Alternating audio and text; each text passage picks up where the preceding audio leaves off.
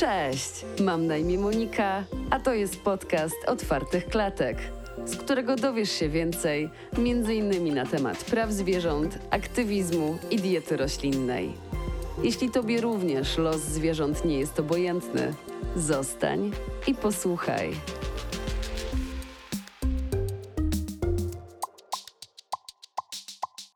Cześć wszystkim. W dzisiejszym odcinku wraz z moją gościnią Sylwią Maksym, dietetyczką sportową prowadzącą bloga i podcast Paliwo z roślin, porozmawiamy o diecie roślinnej u osób aktywnych fizycznie. O tym, czy sport może być zdrowo napędzany roślinkami. Bardzo się cieszę na to spotkanie, bo sama nie wiem za wiele, więc spodziewajcie się potopu pytań. Cześć Sylwia. Cześć Monika, hej. Na co dzień zajmujesz się dietetyką sportową, edukacją żywieniową, promocją zdrowego stylu życia, prowadzisz bloga i podcast Paliwo z roślin, jak wspomniałam, a także sama jesteś bardzo aktywna sportowo, jeździsz na rowerze po terenach górskich. Czy coś pominęłam? Ej, nie, rzeczywiście jak najbardziej tym wszystkim się zajmuję i tak wystarcza mi doby na, na wszystkie moje zajęcia i zainteresowania i też pracę. Zaczynam z pytaniami w takim razie i zacznę mocno. Co to jest dieta roślinna? Oj, tutaj mogłabym naprawdę mówić i mówić i mówić, chyba aż tyle czasu nie mamy. Wiesz co, jak sama zaczynałam mhm być roślinna bardziej, to wydawało mi się, że dieta roślinna to tylko i wyłącznie wegańska, wiesz, w 100% czysta, całkowicie odrzucamy mięso, produkty odzwierzęce, nawet nie spożywamy miodu. Tak właśnie musi wyglądać dieta roślinna i nie ukrywam, gdzieś starałam się być może nawet narzucić najbliższym, nie? że wiesz, teraz dbajmy o środowisko, o przyrodę, chrońmy wszystko to, co zaniedbywaliśmy przez taką ilość czasu i teraz bądźmy bardzo proroślinni, ale teraz wiem, że to, co jest restrykcyjne i to, co jest zazwyczaj narzucone bardzo twardo, nie przynosi takich fajnych efektów, w sensie, że nie do końca chce nam się wykonywać te wszystkie zalecenia i je realizować, myśląc o pacjencie podopiecznym czy osobie, która jeszcze na ten temat no, zbyt dużo nie wie. Mhm. Więc teraz dla mnie dieta roślinna jest po prostu dietą taką, w której przeważają warzywa, owoce zboża, orzechy, rośliny strączkowe, w których jest naprawdę skarbnica wszelkiego, co nam potrzebne niezbędne do tego, żeby dobrze funkcjonować. I jeżeli ograniczamy w tym już spożywanie mięsa, czyli bardziej zwracamy uwagę na jakość produktu, na tą ilość, która zdecydowanie powinna być mniejsza w stosunku do tego, co do tej pory robiliśmy, to ja już bym ją nazwała dietą roślinną, ponieważ zwracamy większą uwagę po prostu na środowisko, na same zdrowie, skupiamy się na tym, żeby spożywać minimum te 400-450 gramów warzyw i owoców na co dzień, co naprawdę nie jest trudne. Czasami się to osobom, które dopiero rozpoczynają taką, wiesz, zdrową ścieżkę odżywiania, wydaje się, o matko, mhm. cała miska warzyw i owoców do zjedzenia, no pewnie, da się zjeść i kilogram bez problemu, tylko trzeba wiedzieć, jak to przyrządzić, jak obrobić termicznie i jak sprawić, żeby było smaczne i przede wszystkim, żebyśmy chętnie to zjadali i jak to skomponować, bo pytam dlatego, że zdarza mi się słyszeć, że osoby, które przeszły na dietę wegańską, e, czyli de facto dietę roślinną, musiały z niej zrezygnować z uwagi na pogarszające się zdrowie. No tyle, że po wnikliwszej analizie okazywało się, że ich wersja diety wegańskiej oznaczała jedzenie prawie samych ziemniaków, makaronów z pomidorami albo picie samych soków. Więc mm, de facto nie jest to dieta w ogóle. Mam wrażenie, że ciężko jest też mm, określić tą dietę wegańską. Zgadza się, jak najbardziej. Ja bym nawet przedstawiła zaraz drugą stronę medalu. Są też osoby, które e, ty wymieniłaś same nieprzetworzone produkty i że to jest dieta wegańska, prawda? No okej, okay, soki były bardziej przetworzone, ale jak najbardziej się jeszcze wpisują w tą naszą konwencję.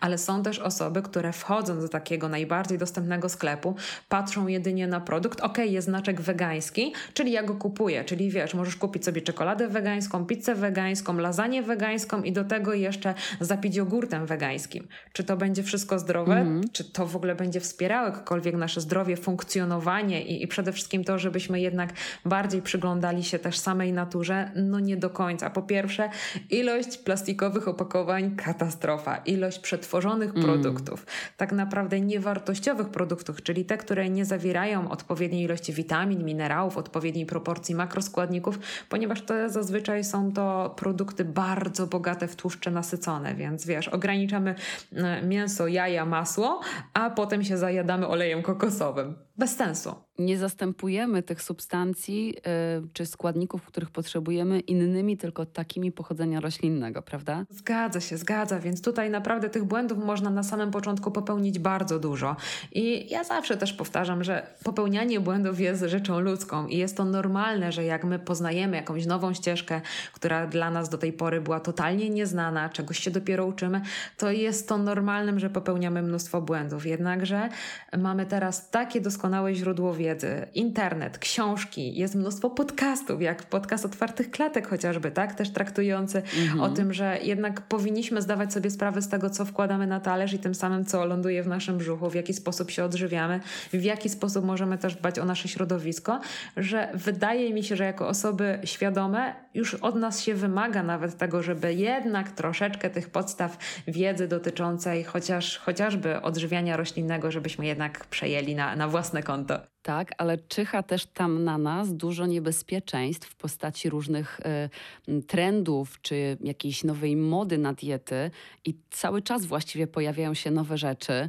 Pamiętasz, jak kiedyś było z znaną dietą odchudzającą Dukana, która de facto wpływała bardzo negatywnie na nerki. Teraz ludzie może mają trochę więcej świadomości, że żeby nie podchodzić tak do diet y, na hura, żeby od razu przechodzić na jakąś dietę bez zastanowienia się. Natomiast cały czas widzimy jakieś diety DASH, diety ketogeniczne, diety wikingów. I czy nie widzisz tutaj też troszeczkę takiego niebezpieczeństwa? No bo fajnie, że możemy znaleźć informacje w internecie, ale nie każdy jest w stanie te informacje też dobrze przetwarzać. Zgadzam się z Tobą jak najbardziej tak. I, I fajnie, że nazwałaś to modnymi dietami, bo wiemy tak samo jak moda, wiesz, moda w modzie, czyli w ciuchach, torebkach, butach i innych takich akcesoriach, bez których no, nie jesteśmy w stanie też żyć. E, ona trwa od, od do. Czyli znów mamy jakiś wycinek naszego życia, w którym się bardzo mocno eksploatujemy, czyli myśląc sobie nawet o diecie wysokobiałkowej, jak była, jaką była właśnie dieta Dukana wspomniana przez Ciebie. E, każda z monodiet, czyli wykluczająca inne składniki, będzie po prostu niekorzystna dla naszego organizmu, a prowadzona w nierozsądny sposób może nawet nie sprzyjać naszemu zdrowiu albo je pogarszać. Więc chciałabym, żeby też nasi słuchacze od razu dostali taki feedback z naszej strony, że Dobrze żywienie, czyli to jest takie, które powinno zawierać odpowiednią proporcję białek, tłuszczów, węglowodanów, czyli trzech głównych makroskładników, dzięki którym nasz organizm dobrze funkcjonuje. Nawet nie mówimy tutaj o kilokaloriach, bo to jest rzecz ta dodatkowa, ale jak najbardziej też niezbędna, ale dobrze, że, że poruszyłaś ten temat i, i, i uważam, że powinniśmy po prostu bazować na tym, żeby odżywiać się mądrze, według zapotrzebowania swojego organizmu. Dobrze też słuchać sygnałów ze strony naszego organizmu, a nie kierować się tą modą, bo bo, znów, no, a co jak się moda skończy na jedną dietę? Przechodzimy na kolejną? Potem na kolejną, na kolejną, na kolejną i znów wiesz, się zastanawiamy, matko, i co ja mam teraz zrobić? Przeleciałam w ciągu roku wszystkie modne diety, moje książki się skończyły i co ja mam teraz zrobić? Jak ja mam się odżywiać? Znów wracamy do standardu, prawda? I on jest najlepszy. A myślisz, że ludzie powinni sami sobie komponować te diety? Czy w idealnym świecie, w Twoim idealnym świecie od dziecięcia powinny być badania plus dietetyk na każdym etapie życia i w zależności od wszystkich okoliczności? Mm, nie myślisz, że taka samowolka jedzeniowa może też tutaj stanowić poważny problem? W moim idealnym świecie cudownie by było, gdyby dietetycy mogli służyć jako edukatorzy żywienia. Czyli już myśląc o przedszkolu, szkole podstawowej, studiach, naprawdę jeden dodatkowy przedmiot zamiast wielu takich mniej potrzebnych byłby, uważam, e, świetnym rozwiązaniem dla nas, bo zobacz, ok, w podstawówce czy w przedszkolu uczymy się wycinania, malowania, śpiewania, grania na różnych instrumentach, e, ale dlaczego my się nie uczymy, jak pięknie, idealnie skomponować kanapkę, jak zrobić tą fajną sałatkę, prawda? To by było coś tak niesamowicie potrzebnego. Owszem, są już szkoły, w których rzeczywiście takie zajęcia, takie lekcje są, ale jednak nadal jest to rzadkość. Mnie bardzo cieszy, jak ja słyszę o tym, bo też pracuję z młodymi sportowcami, jak mówią, że okej, okay, ja wiem jak robić e, tą super ekstra owsiankę, a ja zrobiłem jakiś koktajl ze świeżymi owocami, z jogurtem.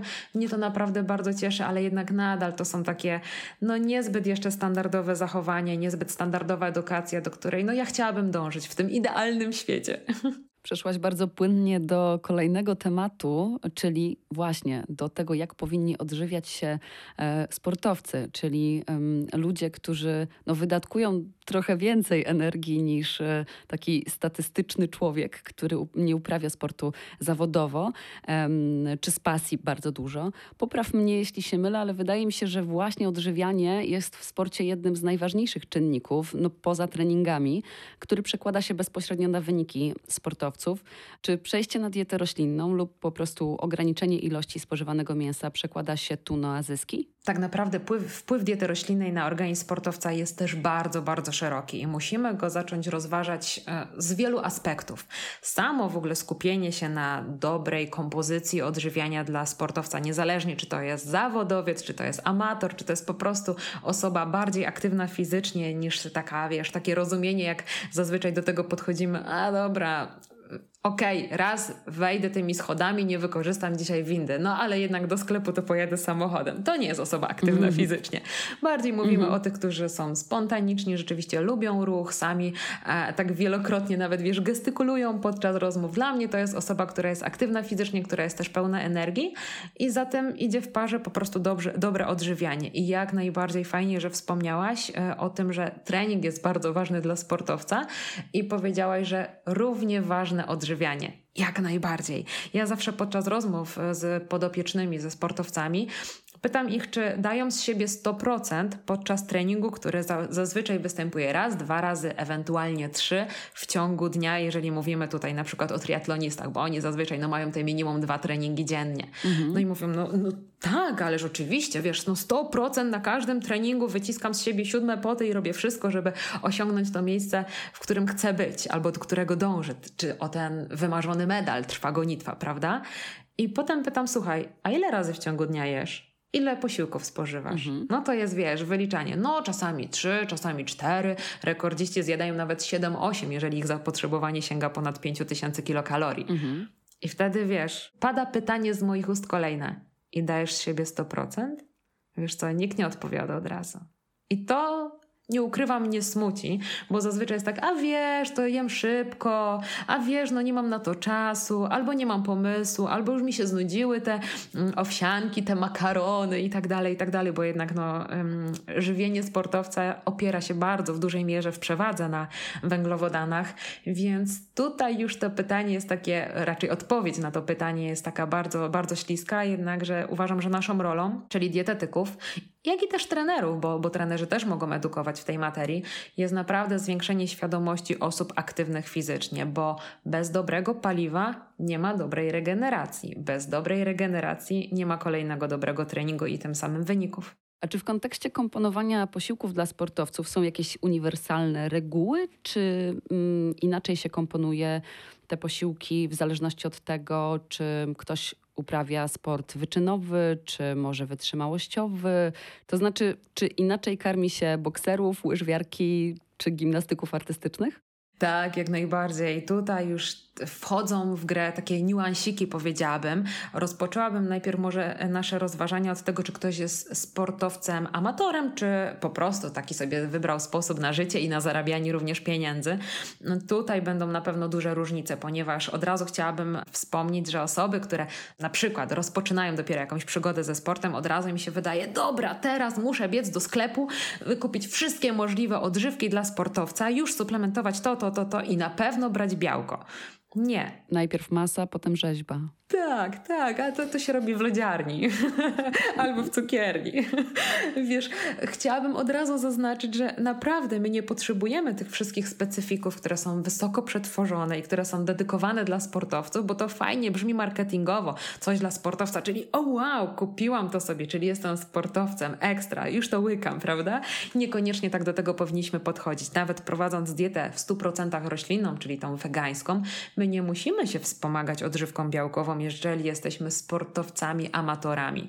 Naprawdę nie ma problemu, żebyśmy pozyskali odpowiednią ilość aminokwasów i szczególnie tych pełnowartościowych, czyli pełne, kompletne białko z takiej diety standardowej, nieprzetworzonej. Mhm. Jeżeli już myślimy o sporcie zawodowym, to kompozycja takiej diety wegańskiej już może być trudniejsza, ponieważ w grę wchodzi bardzo duża ilość czynników, czyli na przykład mamy sportowca, który wielokrotnie wyjeżdża na zgrupowania czy na obozy.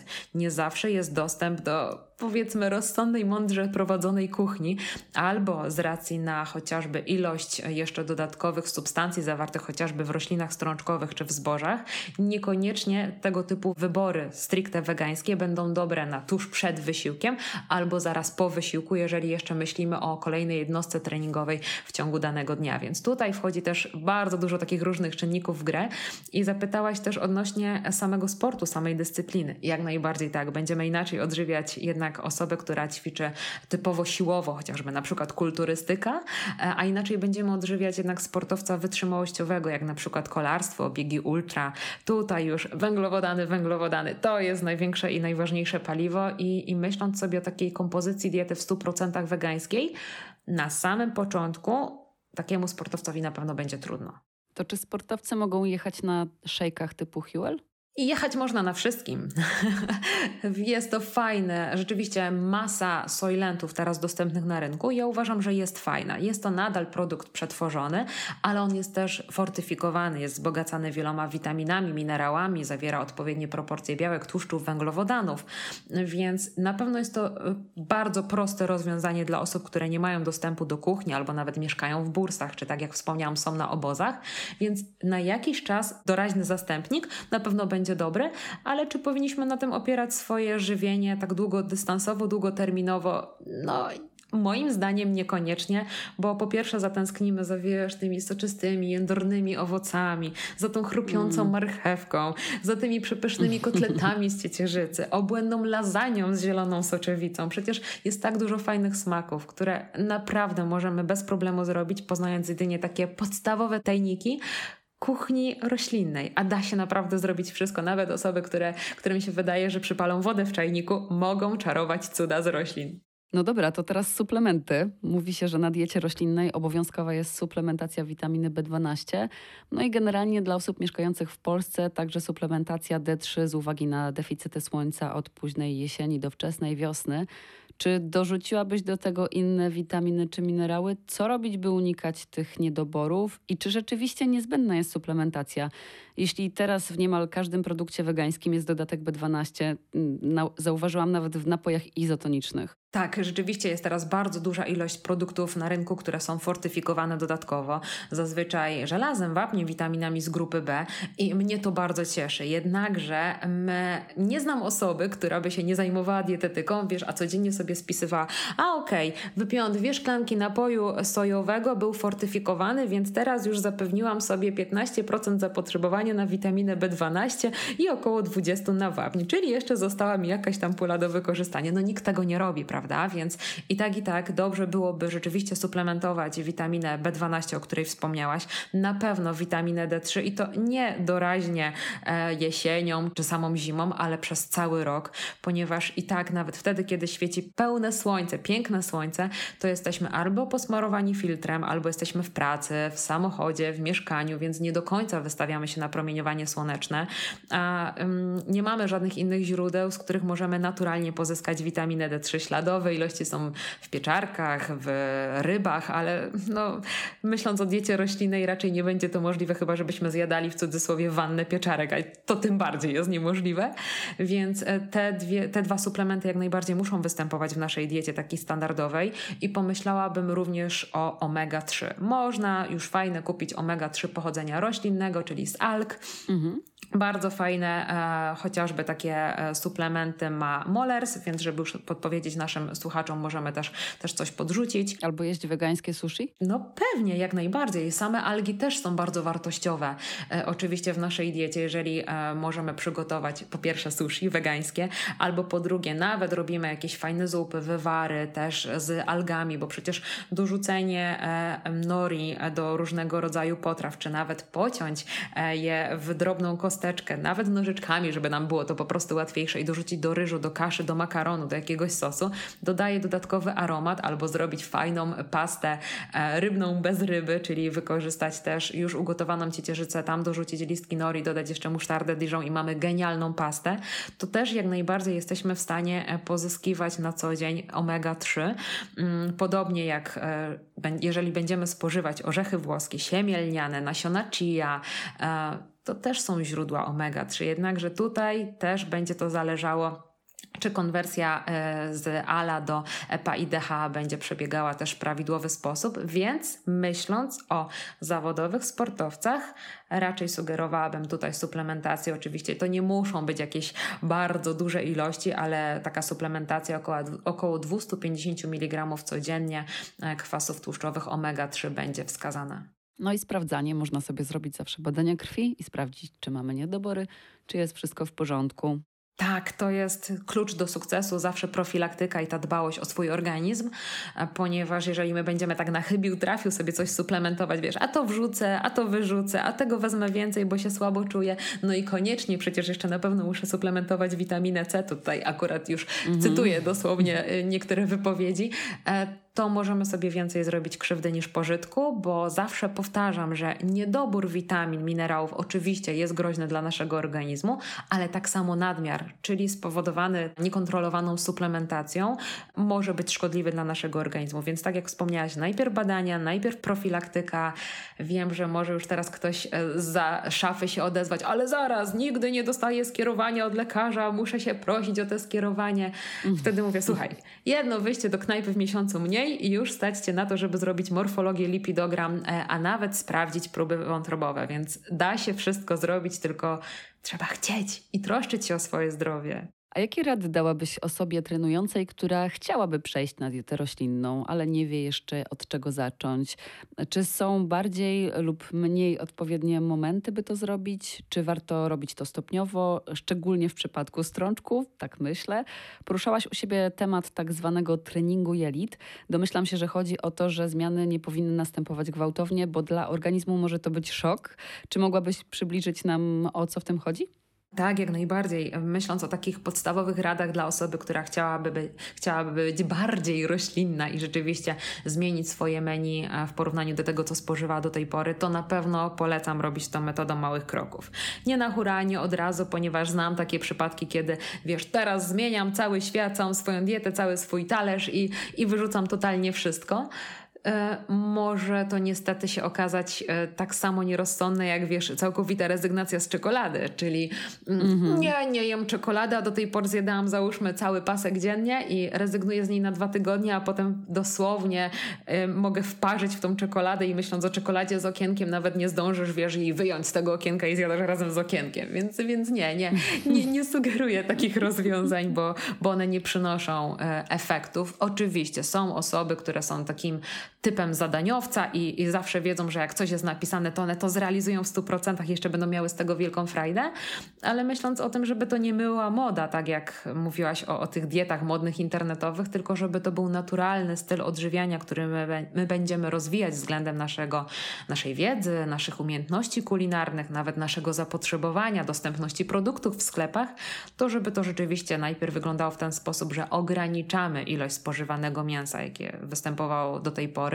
wprowadzamy powoli strączki. Najpierw będzie, o nie, przepraszam za wyrażenie, ale puszczam bąki, boli mnie brzuch, mhm. w ogóle mój brzuch pęcznieje, jest tragedia, odbija mi się, być może jeszcze mam zgagę, reflux, jakieś pieczenie, mnóstwo innych rzeczy, które czasami sobie sami wmawiamy, ale jeżeli my przez x czasu 20, naście, 30, 40 lat albo i więcej nie spożywaliśmy takich produktów, bo naprawdę są takie osoby, które nigdy nie jadły ciecierzycy, soczewicy, e, soję to owszem jako tofu, ale ono nie smakowało, więc raz i nigdy więcej. Ja zawsze powtarzam, że tofu jest jak mąka. Mąki też nie jest łyżeczką. Trzeba je zrobić. Tak, piękne określenie, bardzo piękne porównanie.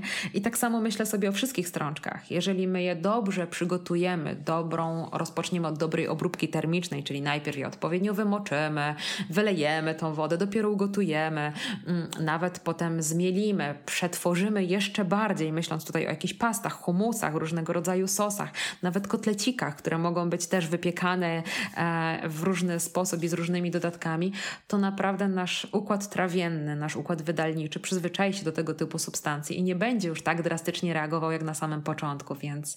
A ja lubię fasolę z puszki łyżeczką. Tak, ja też, a z sosem pomidorowym to wiesz, to jest najlepsze podczas wycieczki w góry, prawda? Nasze organizmy już są do tego przyzwyczajone nic się złego nie dzieje, a nawet uwaga, jeśli się zdarzy, że puszczamy bąki, to ja powtarzam, to jest naturalne. My musimy wypuszczać gazy. Wszyscy puszczają bąki. Dokładnie. Jeżeli tego nie robimy, to możemy sobie naprawdę zaszkodzić. Tak, tak, to, to śmierdząca sprawa z drugiej strony, dosłownie. Więc, więc tak, jak najbardziej takie normalne symptomy ze strony naszego organizmu rzeczywiście są zdrowe, są czymś całkowicie naturalnym i, i nie powinniśmy się o to martwić. Mm, zapytałaś też o trening jelita. Jest on jak najbardziej bardzo potrzebny. Myśląc o sportowcach, zawodowcach, którzy szczególnie e, zajmują się dyscyplinami wytrzymałościowymi, to taki trening jelita należy przeprowadzać, oczywiście w warunkach treningowych, czyli przed tym planowanym wielkim startem, wielkim biegiem, wielkim wyścigiem kolarskim, e, po to, żeby przyzwyczaić nasz układ trawienny do spożywania większej ilości węglowodanów i również w takich ekstremalnych warunkach e, dla samego organizmu, czyli na przykład wielogodzinny bieg, wielogodzinna jazda na rowerze, gdzie mamy jednak tą pozycję zgiętą, czyli też następuje dodatkowy nacisk na jelita.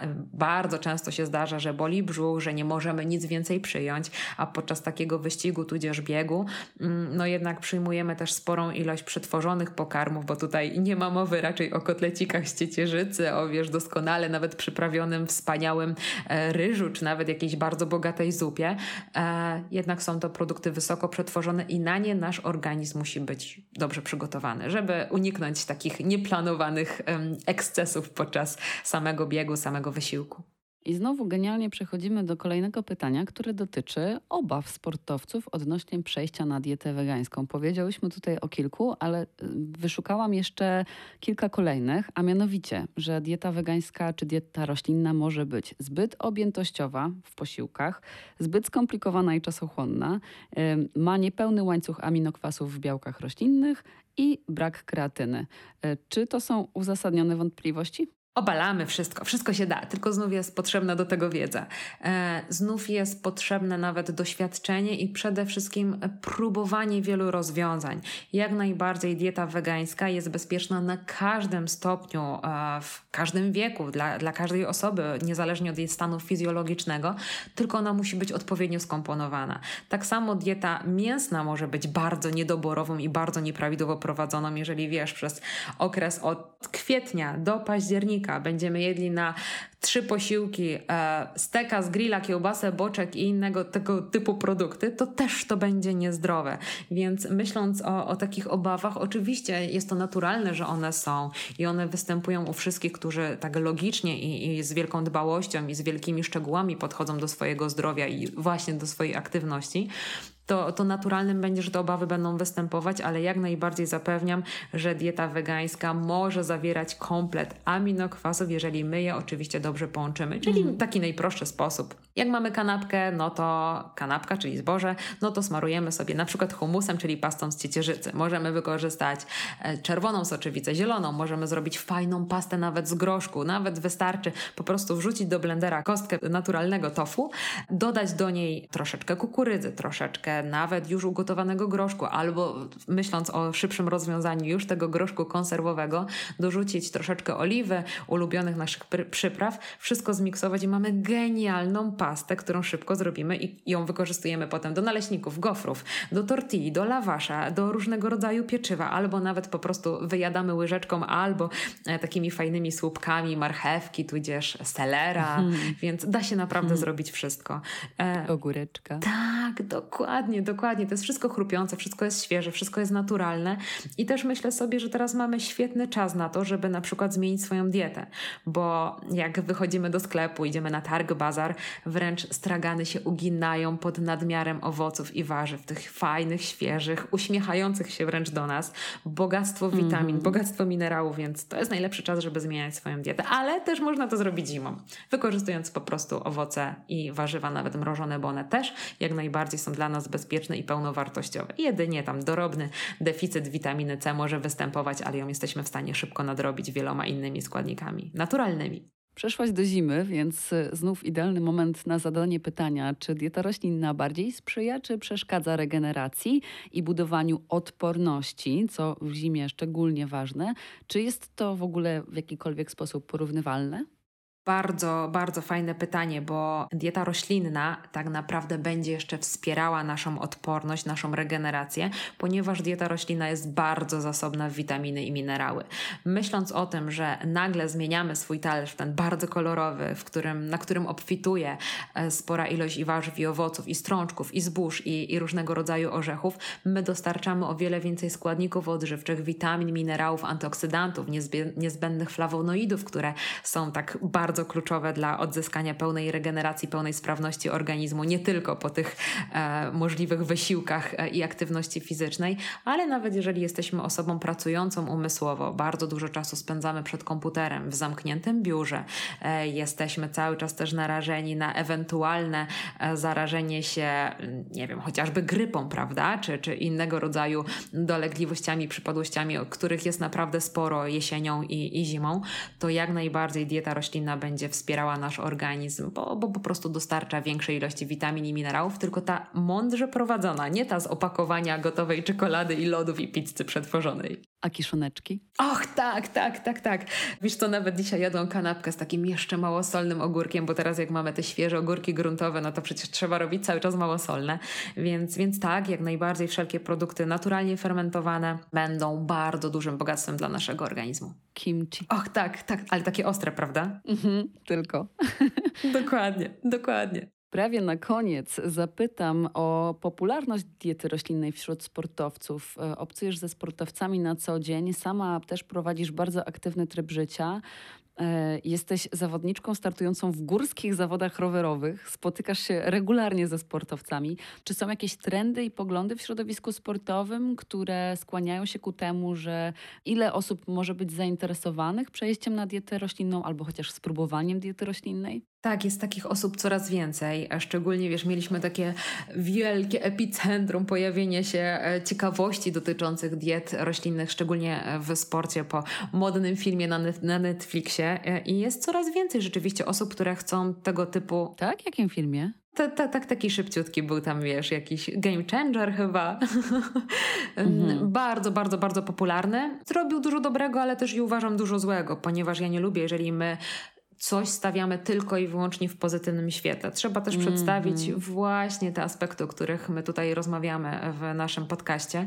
Więc e, nigdy nic nie jest białe, ani nic nie jest tylko czarne albo tylko białe, prawda? Jest jeszcze cała tak. gama barw i kolorów pomiędzy tym, więc wszystko zależy też od naszego podejścia. I tak samo jest też ze sportowcami. -hmm. e, jak wspomniałam na początku, jeżeli mamy sportowca, który może sobie wiele rzeczy sam przygotowywać i, i bardzo też ma już fajną wiedzę fajne, mm, już fajny grunt, wobec którego będzie tylko rozwijał swoje umiejętności, to tutaj nie bałabym się o jakiekolwiek niedobory. Ale jeżeli my mamy kogoś, kto nieustannie wyjeżdża, kto jeszcze podróżuje po różnych, e, po różnych krajach, różnych nawet kontynentach, czasami nawet nie znając kuchni, nie znając nie wiedząc o, o, dostępności danych składników odżywczych, to może mu być bardzo trudno kompletować taką dietę, komponować taką dietę roślinną, więc, więc tutaj możemy się naprawdę mocno pośliznąć.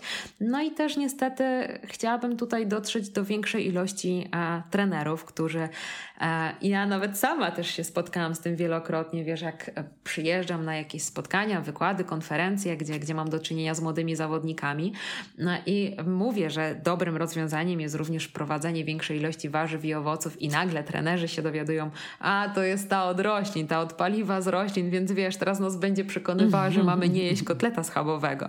Jednak i jest to takie stereotypowe podejście, że sportowiec równa się mięso, sportowiec równa się cały czas jogurt, twaróg i serek wiejski, a naprawdę bez tego da się żyć, bez tego da się komponować fajną dietę, ale trzeba też zmienić najpierw samą mentalność, samo podejście, ale dając edukację, a nie zmuszając na siłę, nie, teraz musimy wszystko odrzucić, to co działało do tej pory i do czego byliście przyzwyczajeni, teraz już to jest zakazane. Nie wolno zakazywać, moim zdaniem warto pokazywać i dobrze kierunkować, po prostu. Nie chodzi tu o żaden radykalizm. E, no dobrze, to może chciałabyś powiedzieć jakieś ostatnie kilka zdań do naszych słuchaczy, do słuchaczy podcastu Otwartych Klatek? Tak, pewnie. Ja uwielbiam takie, takie zdanie moje, które wielokrotnie powtarzam mm, też w swoim podcaście. Uważam, że przyszłość jest roślinna, po prostu. Tylko ta przyszłość już się dzieje.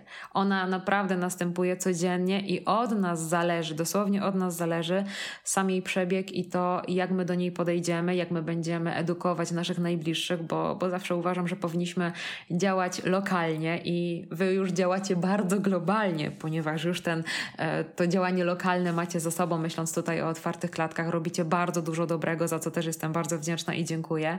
I właśnie w ten sposób chyba każdy z nas powinien działać, czyli zacząć od swoich najbliższych, najbliższych, od samych siebie najpierw, o tak?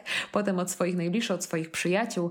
Jeżeli mamy moc przekazu dalszego, to jak najbardziej e, dajmy fajne treści na swojego bloga, do swojego podcastu, do swoich wideo, które tworzymy na, na różnego rodzaju kanały, ale po prostu wspierajmy nasze dobre odżywianie, dbałość o naszą planetę, najbliższe środowisko.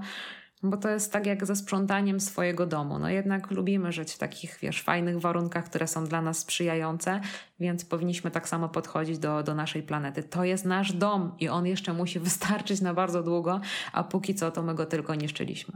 A nasze ciało jest naszym domem. Tak. Więc dbajmy o nie, o nasz dom. Dzięki Ci ogromnie za tę rozmowę. Dziękuję Monika, było mi tak niezmiernie miło. Ja mogę o, o, roślinach, o odżywianiu, o sporcie mówić wieloma, wieloma godzinami, a jeżeli wiesz, po drugiej stronie jest tak ciepły i tak piękny głos, to tym bardziej. Ja się tutaj rozpływam. Dziękuję.